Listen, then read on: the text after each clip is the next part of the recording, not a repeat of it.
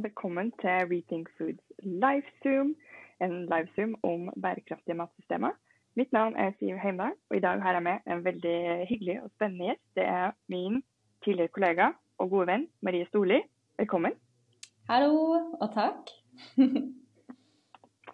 eh, skal vi bare eh, kjøre på eh, med dagens tema, som er jo da at jeg har jo invitert deg inn hit for at du skal fortelle oss hvordan vi skal gjøre bærekraftig matproduksjon lønnsom. Det gleder jeg meg til, at vi har løst den problemstillinga slutten av samtalen. For du er jo økonom. Ja. Så, du så økonomer løser sånne problemer? ja, i hvert fall eh, Nå er jo ikke jeg økonom, eh, jeg får bare si det med en gang. Eh, sånn at eh, det som jeg tror økonomer driver på med, er jo å få økonomien til å gå rundt. Og få penger i sving. Eller i hvert fall tenke mye på det. Er jeg inne på noe her? Ja, det er jo en fin måte å, å si det på. Um, altså, nå finnes det jo mange forskjellige typer økonomer, da, men, uh, men en en fellesnevner for alle er vel at de prøver å få økonomien til å uh, trille og, og, gå sånn relativt eh, stabilt, og at ting skal gå smooth, på en måte. Eh, sånn som, sånn som jeg definerer mitt fag, da, jeg er samfunnsøkonom, så tenker jeg at at det handler om ressurser. Men penger er jo også ressurser. Men jeg, også, jeg, tenker at det handler om ressurser litt bredere enn bare penger. da. Eh, men mange tenker jo på den her regnskapsføreren på en måte, når de tenker på en økonom som sitter og plotter tall i et sånt eh, regneark. Og det er, jo, det er jo også for å holde styr på ressurser, da. Men du har på en måte fra regnskap og de liksom små detaljene eh, til bedrifter og markeder, og så har du på en måte noen som eh, kaller seg samfunnsøkonomer, som tenker mer på det politiske nivået. Eh, så det er liksom hva slags del av økonomien eller hva slags skala man fokuserer på. Men, men, det med å få det til å gå rundt, det var jo en fin måte å si det på, da. Mm. For du, for det, for men jeg føler det er litt sånn derre mm. en myte Unnskyld. Jeg føler det er litt en myte at økonomer er veldig opptatt av penger. fordi at de der regnskapsårene, de er veldig opptatt av penger. Men vi som sitter her oppe, vi er egentlig ikke så opptatt av penger. Eh, vi på en måte tenker at penger bare er en indikator på de ressursene. Og det er de vi egentlig er opptatt av. Det som faktisk foregår i den virkelige økonomien. og Hva slags varer som produseres, og om folk har jobb eller ikke. og sånne ting. Mm. Så mindre si... opptatt av penger og mer opptatt av ressurser. Ja. Så for folk som ikke kjenner til din bakgrunn, da, så kanskje du bare sånn veldig kort eh, vil forklare litt eh, den, den, bakgrunnen du har og de tingene du har jobba med de siste par åra? Ja. Um, altså, jeg kom jo til økonomistudiet fordi at jeg møtte på en del økonomer og økonomiske analyser da jeg var ung og engasjerte meg i natur og ungdom. og eh, ja, var veldig glad i å male banner og lage demonstrasjoner og sånne ting. Og var veldig opptatt av eh, klimaendringer og tap av natur og sånne ting. Det var liksom det jeg brukte mye tid på å tenke på. da. Eh, og da jobba jo vi for noen ting. Eh, F.eks. mot å åpne oljefelt i Barentshavet, eller for å bygge tog til Nord-Norge og sånne ting. Og veldig ofte da så kom økonomene inn med sine analyser og sa nei, det her går ikke, og det lønner seg ikke, og det her er en dårlig idé. Eh, så jeg var veldig nysgjerrig på, på måte, hva de økonomene syntes var en god idé, og hvorfor de syntes de tingene jeg syntes var en dårlig idé, var en god idé. For å si det litt sånn på spissen, da.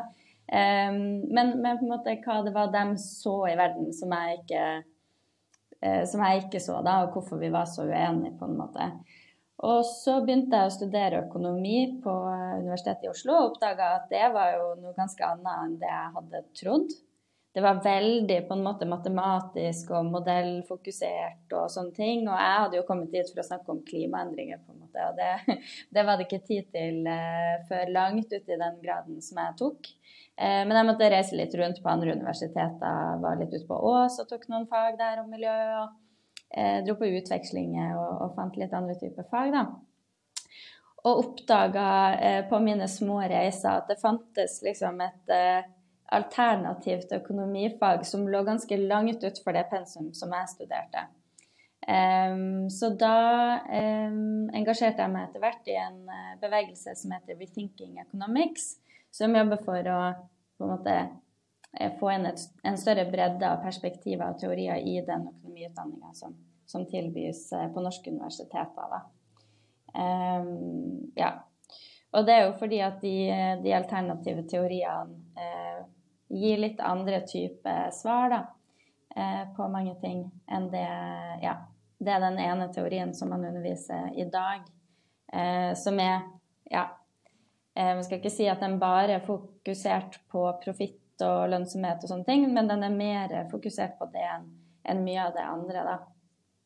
Um, som f.eks. er økologisk økonomi, som handler mer om naturens ressurser og hvordan vi bruker dem. og um, tar liksom utgangspunkt i naturvitenskapene for å si noe om hva er det vi egentlig kan gjøre med de ressursene vi har. Um, ja. Så gir litt andre svar da, på hvordan skal vi bygge en bærekraftig økonomi i framtida. For det var jo det som var utgangspunktet for min reise i økonomifaget. Mm.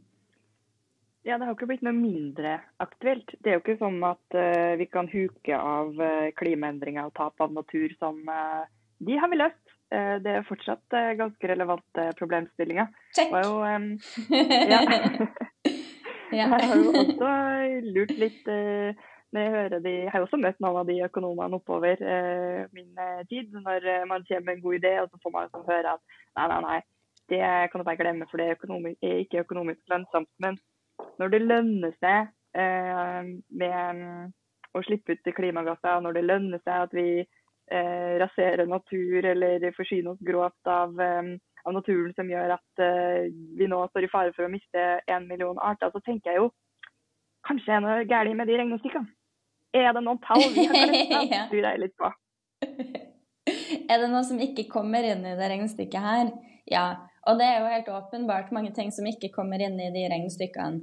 Og så eh, har man jo brukt veldig mye tid i altså, flere tiår. Da har hatt eh, på en måte en utvidelse, eller hva skal man si. Man verdsetter andre typer ting da, for å få dem ja, Sånn som at man mister arter. Det er tap eh, liksom for menneskeheten eller for planeten, eller eh, ja, hvordan man måtte se det, da.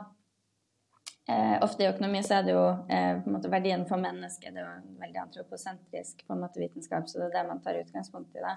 Men det finnes jo mange, mange måter å prøve å, å å verdsette sånne ting.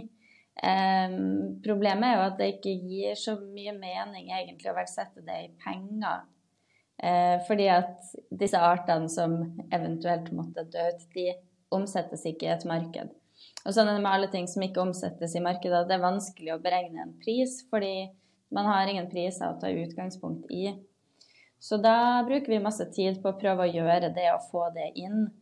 Um, men men jeg føler jo liksom en del av problemet her er at vi, vi har ikke nok kunnskap, og kommer kanskje aldri til å ha eh, nok kunnskap til å ta med alle de kostnadene som egentlig eh, følger med da, tap av natur, f.eks. Som et eksempel. Fordi at det er så mye vi ikke vet om naturen. Eh, sånn at hvis vi utrydder en art og skal prøve å si noe om hva var det vi tapte her, så vet vi ikke. Eh, fordi at vi vet ikke alle de funksjonene som denne arten har, og hva vi kanskje kunne ha brukt den til i framtida. ja, så det blir litt sånn fåfengt å, å, tenke på den måten om det. Eh, da tror jeg det er mye lurere å høre på biologer og naturvitere eh, som har mer av den kunnskapen om hvordan naturen fungerer, da, i stedet for å spørre økonomene hva de tror at det er verdt. Ja, jeg tror at vi må, vi må tenke litt alle sammen i fellesskap. Eh, om vi skal klare mm. å, å løse, løse, det her. Men et litt stort uh, spørsmål da, uh, som uh, du sikkert må kan hende må bruke litt tid på å svare, men som jeg lurer jo litt på. da, og Det er jo at det systemet, økonomiske systemet vi har i dag, det er jo, vi har lagt opp sånn at det er om å gjøre å produsere eller vi skal tjene mest mulig penger ved å produsere, i hvert fall særlig mat, da, billigst mulig. Mm. Mm. Så hvordan kom vi hit? Hvorfor eh, hva, hva, Hvordan skjedde det? Ja, men det er et veldig godt eh, et veldig godt spørsmål. Um, og ja, vi var vel kanskje litt inne på det, men det som er det liksom standard økonomifaget, er jo veldig bygd opp rundt det her med markeder og fri konkurranse og, og på måte tjene mest mulig penger eller produsere mest mulig, alle disse tingene her. Um, som det er jo lett å se på det i dag og tenke at det, det der må vi slutte med, på en måte. Uh, og det er jo til en viss grad riktig at vi, må, vi, vi, er nødt til å gjøre det på en litt annen måte. og kanskje tenke på litt andre ting, som hvordan vi behandler naturen, fremfor å bare tjene mest mulig penger.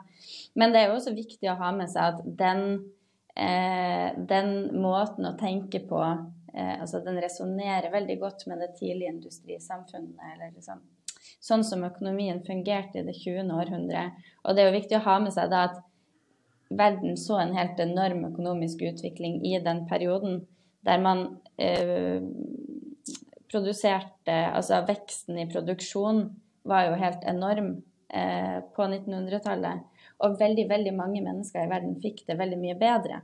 Ikke sant? Sånn at det er liksom eh, litt sånn en glorifisering av den derre Eh, vekstkapitalismen og masseproduksjonen og de tingene der som tidlig på 1900-tallet, eller ja, eh, frem til litt over midten av 1900-tallet, da for, eh, for oss ga oss en enorm velstandsøkning. Men så har man jo sett at eh, liksom linken mellom eh, mer inntekt og høyere eh, materielt forbruk, linken mellom de tingene der og hvordan vi faktisk har det, den er brutt eh, ja, fra 70-tallet, på en måte. Så var det en sammenheng mellom de. Vi fikk mer, og vi fikk det bedre. Og så når vi på en måte nådde det, det velstandsnivået en gang på 70-tallet, så var, er det på en måte litt som en metning, da. Da har du liksom fått nok av det. Og så er det kanskje litt andre ting som vi egentlig trenger for å ha det bra. Og da blir jo det å fortsette med den der eh, vekst... Eh, mentaliteten litt sånn fåfengt. Hvis det ikke bidrar til at vi får det bedre, og da i tillegg eh, vi oppdager at det, eh, det, bidrar til at vi slipper ut klimagasser og får klimaendringer, og at vi ødelegger naturen rundt oss, som vil eh, legge en begrensning på den velstanden som, eh, som mennesker kan ha i framtida. Så da blir jo den masseproduksjonen meningsløs. Men den kommer på en måte fra et sted som har eh, ja, der den spilte en rolle. Vi er bare ferdig med det på en måte veksteventyret der nå, da. Og nå er på en måte utfordringa i det 21. århundret å finne, å finne en måte å tilpasse økonomien innenfor planetens eh, tålegrense. Det er det vi må gjøre nå. Så det er en helt annen eh, økonomisk utfordring, og det krever også en helt annen måte å tenke om økonomi, tror jeg, da. Ja, for det er jo eh, Det må jeg også bare si det, at eh, det er jo fantastisk at maten har blitt så billig at mange flere kan spise den. Så det, det er jo bra at, at folk får, får, mat. Så det, så det Absolutt, det kritiserer jeg ikke. Men det er jo det at vi nå har kommet dit at vi bare forsyner oss og forsyner oss og forsyner oss. Og ser ikke ut til at vi Vi vet det jo, men mm reagerer likevel ikke på at det faktisk finnes en grense. Og det syns jeg er litt fascinerende. Ja, så akkurat med landbruket så er jo det at man en måte en bonde kan dyrke større arealer og få større mengder korn eller sånne ting um, med bruk av, av, kapital og teknologi og ikke sant, alle de tingene som vi har fått, da eh, gjør jo at mange av oss, og, og, meg og deg inkludert, kan gjøre helt andre ting. Eh, sånn at det er jo på en måte gevinsten av den produktivitetsveksten da, som vi har hatt i landbruket, eh, og at man skulle produsere mest, mest mulig. Vi har jo liksom rigga systemet sånn at det skulle lønne seg da. Eh, og, og, til en viss grad så har jo det vært fint for det norske samfunnet at vi har kunnet drive med andre ting. Men nå har vi jo ja, det er jo noe litt annet enn det jeg sa i sted med, med inntekt og, og velstand eh, som skilte lag på 70-tallet. Men det er jo litt likt det her, da, at nå har vi kommet til et sted der vi presser prisene på mat så langt ned at, at ingen, eller ingen, men færre og færre har lyst til å dyrke maten vår. Og da har vi jo et helt annet problem. Fordi noen er nødt til å gjøre det for at, for at jeg og deg skal kunne sitte her på en fredag og, og snakke sammen på, på internett, liksom. Ja, jeg har jo da så det prøvd å dyrke grønnsaker i grønnsakskassa, så det var ikke veldig produktivt. Nei, jeg har også prøvd meg på det. Men det skal, skal nok mange år til med trening, for det blir mer enn en halv middag, liksom. ja.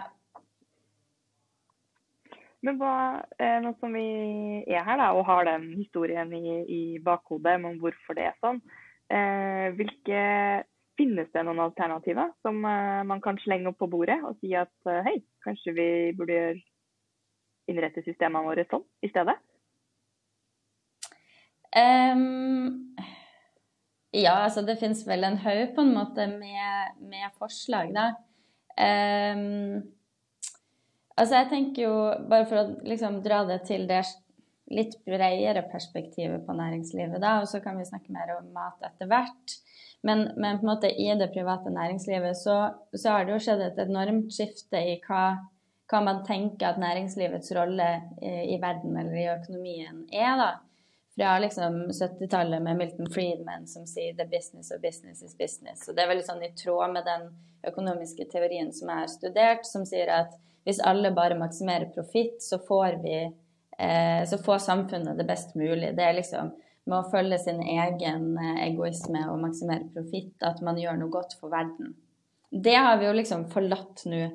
Eh, og man snakker om at man har eh, gått fra shareholder capitalism til stakeholder capitalism. ikke sant? Og, og næringslivet skal liksom, i tillegg til å tjene penger, eh, så skal de gjøre noe bra for verden. Og flere og flere sier òg vi skal gjøre noe godt for verden, og så skal vi tjene penger. Eh, sånn at det endrer litt sånn logikken i økonomien, da. Um, og så er det jo ikke helt åpenbart hvordan den dynamikken fungerer ennå, men det er i hvert fall en annen eh, dynamikk da, som, som tyder jo på at det er mulig å bruke markedet eh, til noe godt. Um, men så er det klart at akkurat det er jo litt annerledes for de delene av næringslivet som har vært veldig, veldig lønnsomme under den her greed is good-perioden, på en måte. Og de har jo eh, Altså, det er lønnsomt å være miljøvennlig og sånne ting, men dersom det er litt mindre lønnsomt enn å eh, på en måte forurense rundt, så går det greit, fordi det har vært så lønnsomt i utgangspunktet at man har liksom eh, Man har litt marginer å gå på, da. Men sånn som vi snakka om med landbruket, så er jo liksom lønnsomheten pressa såpass langt ned eh, at det ikke bare bare å bestemme seg for å skulle gjøre, liksom, putte inn en ekstra innsats eller ta høyere kostnader for å produsere mer bærekraftig.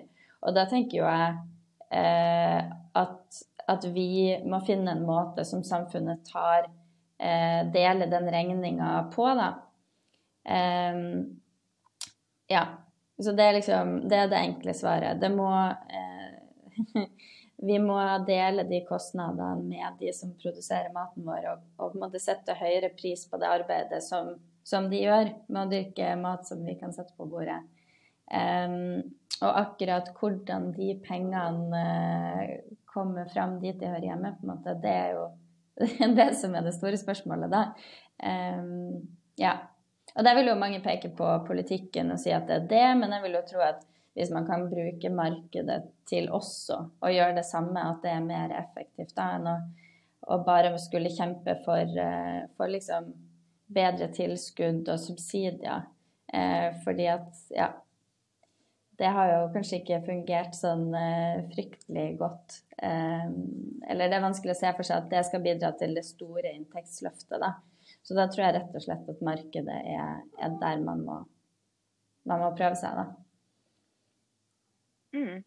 Eh, nei, jeg opplever jo nå at eh, det systemet vi har nå, er jo bygd på, på de samme økonomiske prinsippene som vi har allerede diskutert. Så da blir det jo på en måte bare mer, mer av det samme. Um, og så er det jo det uh, hvordan vi skal sørge for, å, uh, for at betalinga kommer der den skal. Så er det jo uh, vi, vi betaler jo mer for maten nå, vi bare betaler på litt forskjellige måter. Sånn, jeg hørte her forleden dag at en som sa at um, we pay the farmer now and we pay the doctor later. Og det er jo litt, er jo litt der, vi, der vi er. At ja, vi betaler en liten andel eh, til bonden, men eh, når vi skal da begynne med eh, helsekostnader og alle mulige sånne ting pga. den Ja. dårlige maten vi spiser eh, og hvordan den da er produsert, da vil jeg bare legge til, for jeg begynner å få veldig mange sure mailer, at, at det her er snakk i, i et amerikansk eh, perspektiv, hvor de har litt eh, større problemer med, med antibiotika i maten og medisiner i maten og, og den type ting. Ja. Eh, men, at, men at vi betaler jo veldig mye for maten. Eh, vi bare betaler det på det bare Prisen dukker opp i veldig mange andre budsjetter enn kanskje ikke akkurat i, eh, i jordbruksoppgjøret. Mm. Ja. Nei, men det er jo helt riktig. Og vi nordmenn betaler jo ganske mye eh, for mat. Eh, men, men lønnsomheten i systemet ligger et annet sted enn hos dem som produserer. Og det er det jo flere som har påpekt og kartlagt og prøvd å forklare med klimatiske forskjeller mellom Norge og Europa. Kan det forklare forskjellen i prisnivå og sånne ting? Og det forklarer jo en del av, prisforskjellen mellom Norge og Tyskland f.eks. Eh, men ikke hele, da. Og nå har jeg glemt hvem som sa det, men jeg syns det var en veldig det var en veldig fin eh, quote av en økonom som skrev at landbruket havner liksom i, eh, i skuddlinja mellom den her veldig regulerte økonomien og en sånn her frimarkedskonkurranse. Og på en måte får det verste av de to systemene. Um, og det er jo på en måte en fin måte å si det på. Så det er ikke sånn at man trenger mer regulering eller mer konkurranse, men man, man må liksom endre litt på eh, samspillet mellom de to. Um, ja. Men det er klart, altså det fins uh, lønnsomhet i det norske matsystemet. Det er bare pengene ender ikke opp på riktig sted. Og så er uh, er jo spørsmålet hvordan uh, kan man bryte opp den ja, den fordelinga, da. Og det er jo blant annet det vi jobber med, vi, så vi har kanskje ikke funnet svaret helt ennå. men, men, det er vel det som er håpet, da. Ja, nei, det er, det er absolutt et, et, stort spørsmål. Eh, og eh, hadde vi funnet svaret, da hadde det vært veldig greit. Da kunne vi jo bare, ja. bare lagt ned arbeidet. Ja. Men for det er jo det når, når da Eh, lønnsomheten havner alle andre plasser, så er det jo også da vanskelig å gjøre de investeringene og gjøre de tingene som, som må gjøres for om vi skal få til da et, et, skifte til et mer bærekraftig matsystem. Så alle disse uh, tingene henger jo sammen. Vi må ha et økonomisk system som funker for alle.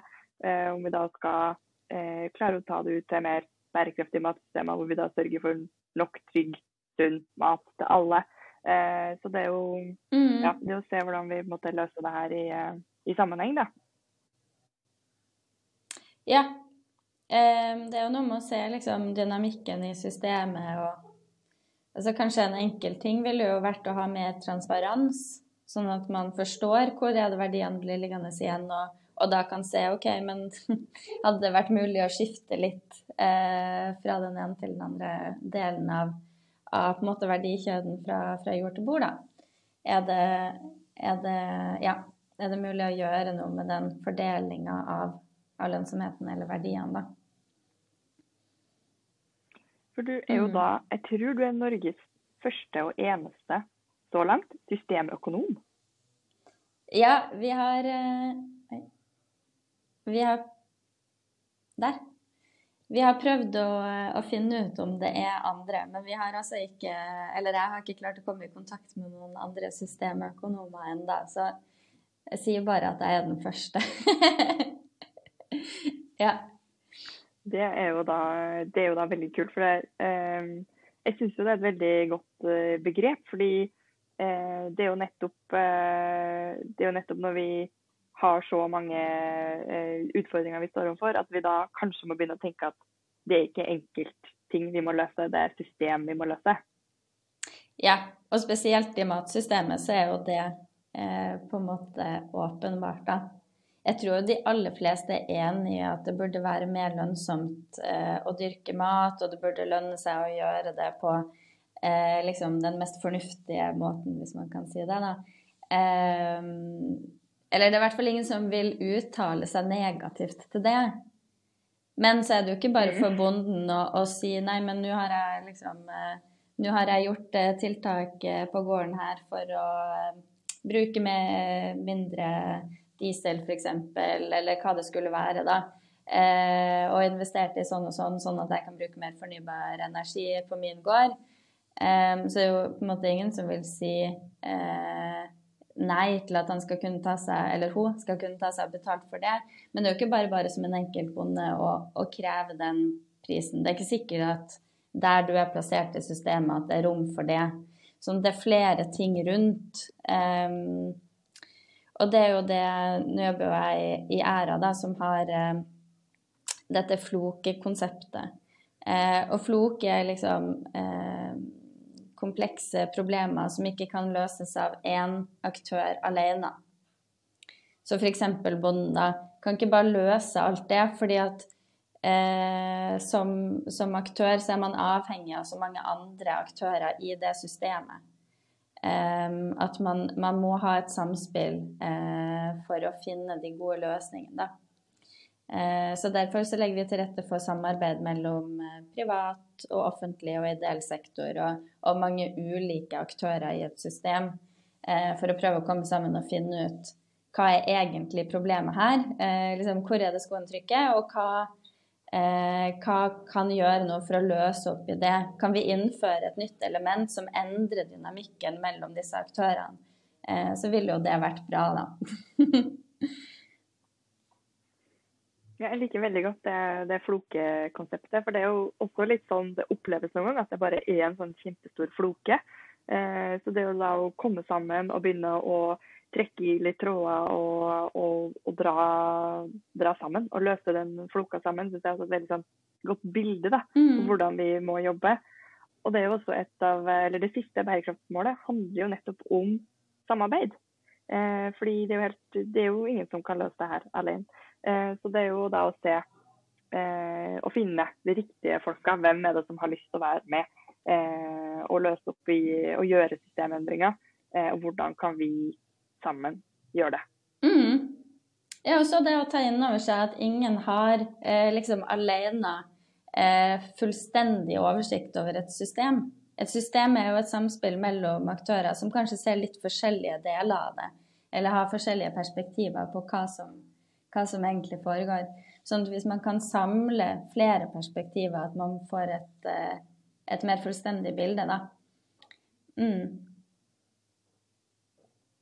Så det er jo uh, En ting du har engasjert deg i, Æra, er jo nettopp det å sette litt mat, matfloka uh, litt høyere på, på agendaen. Uh, vil du fortelle litt om hva, hvorfor du har engasjert deg i liksom, mattematikken? ja, altså Først og fremst så er jeg veldig glad i god mat. det har jeg alltid vært. Um, og så eh, har jeg liksom i mitt voksne liv vært, eh, vært opptatt av å få tak i god mat eh, som er lokalt produsert og, og, sånne ting. Og liksom, ja, tenkt mye på hvor takknemlig jeg er for at noen dyrker den maten for meg. Eh, fordi jeg er et sånn enkelt lite bybarn som ikke kan så veldig mye om, eh, om, å dyrke noe som helst. um, så det er jo litt sånn der, eh, ja, en enorm liksom, respekt for de som gjør det arbeidet, og en takknemlighet for at noen gjør det. Um, som er utgangspunktet for min interesse i, i mat og landbruk, da. Um, og så når jeg begynte i ny jobb, så uh, ba det seg jo en veldig god anledning til å fortsette å jobbe litt sammen med deg. og dere i Rethink Food, som jeg syns er et veldig flott initiativ. Um, og jeg tror virkelig liksom at, at det trengs um, ikke bare et løft for, uh, ja, for matproduksjonen på, til havs og uh, på land, men at det trengs litt nye perspektiver og noen nye øyne uh, som ser på det. da. fordi det virker som at store deler av hva skal man si, diskusjonene og systemet er liksom gått inn i litt sånn der en skyttergravskrig mellom det ene og det andre, der alle ser eh, litt forskjellige problemer og litt sånn det verste i, i, i fienden sin. Da. Eh, men i utgangspunktet så tror jeg jo at det, det, går an, eller man må bare tro at det går an å gjøre noe med eh, et så enkelt problem som at det bør lønne seg å produsere god mat. det virker for meg bare litt sånn innlysende at det skal vi få til. Um, så ja. Det er jo en veldig motiverende ting å jobbe med og for, da. Ja, absolutt. Eh, det er også å tenke at det bare sier seg sjøl. At det må jo lønne seg å produsere bra mat. Så det, Ja. vi kan ikke akseptere noe annet. Ja. Så, så da fortsetter arbeidet med, med å identifisere hva, hva vi skal gjøre for, for å komme dit. Eh, men kan, ikke, kan ikke du si, eh, fortelle hvordan folk kan komme i kontakt med deg? Hvis de er litt mer nysgjerrig på hva systemet systemøkonomer gjør, og hvis at folk har lyst til å være med og tenke litt eh, om de eh, temaene vi har snakka om i dag. Jo, veldig gjerne. Um, man finner jo meg på Æra sine nettsider, men du kan skrive en e-post til marie.era.as. Gjerne om systemøkonomi. Kanskje du kjenner noen andre som kaller seg systemøkonom, så kan vi lage et fellesskap av det. Um, eller hvis du har lyst til å ta en prat om eh, matfloka, da. eh, Der vi skal se på matsystemet i Norge, og hvordan vi kan gjøre det mer lønnsomt å dyrke god mat. Så det var den enkle Mm. Så bra. Da oppfordrer jeg folk til å ta kontakt med Marie hvis de har noe på hjertet. Særlig hvis eh, det er flere systemøkonomer som lurer der ute. Jeg tror dere har godt av å, av å møtes. Men da avslutter vi der, og så fortsetter vi praten en annen gang, Marie. Det gjør vi. Ha en fin dag. Ha det godt. Ha det.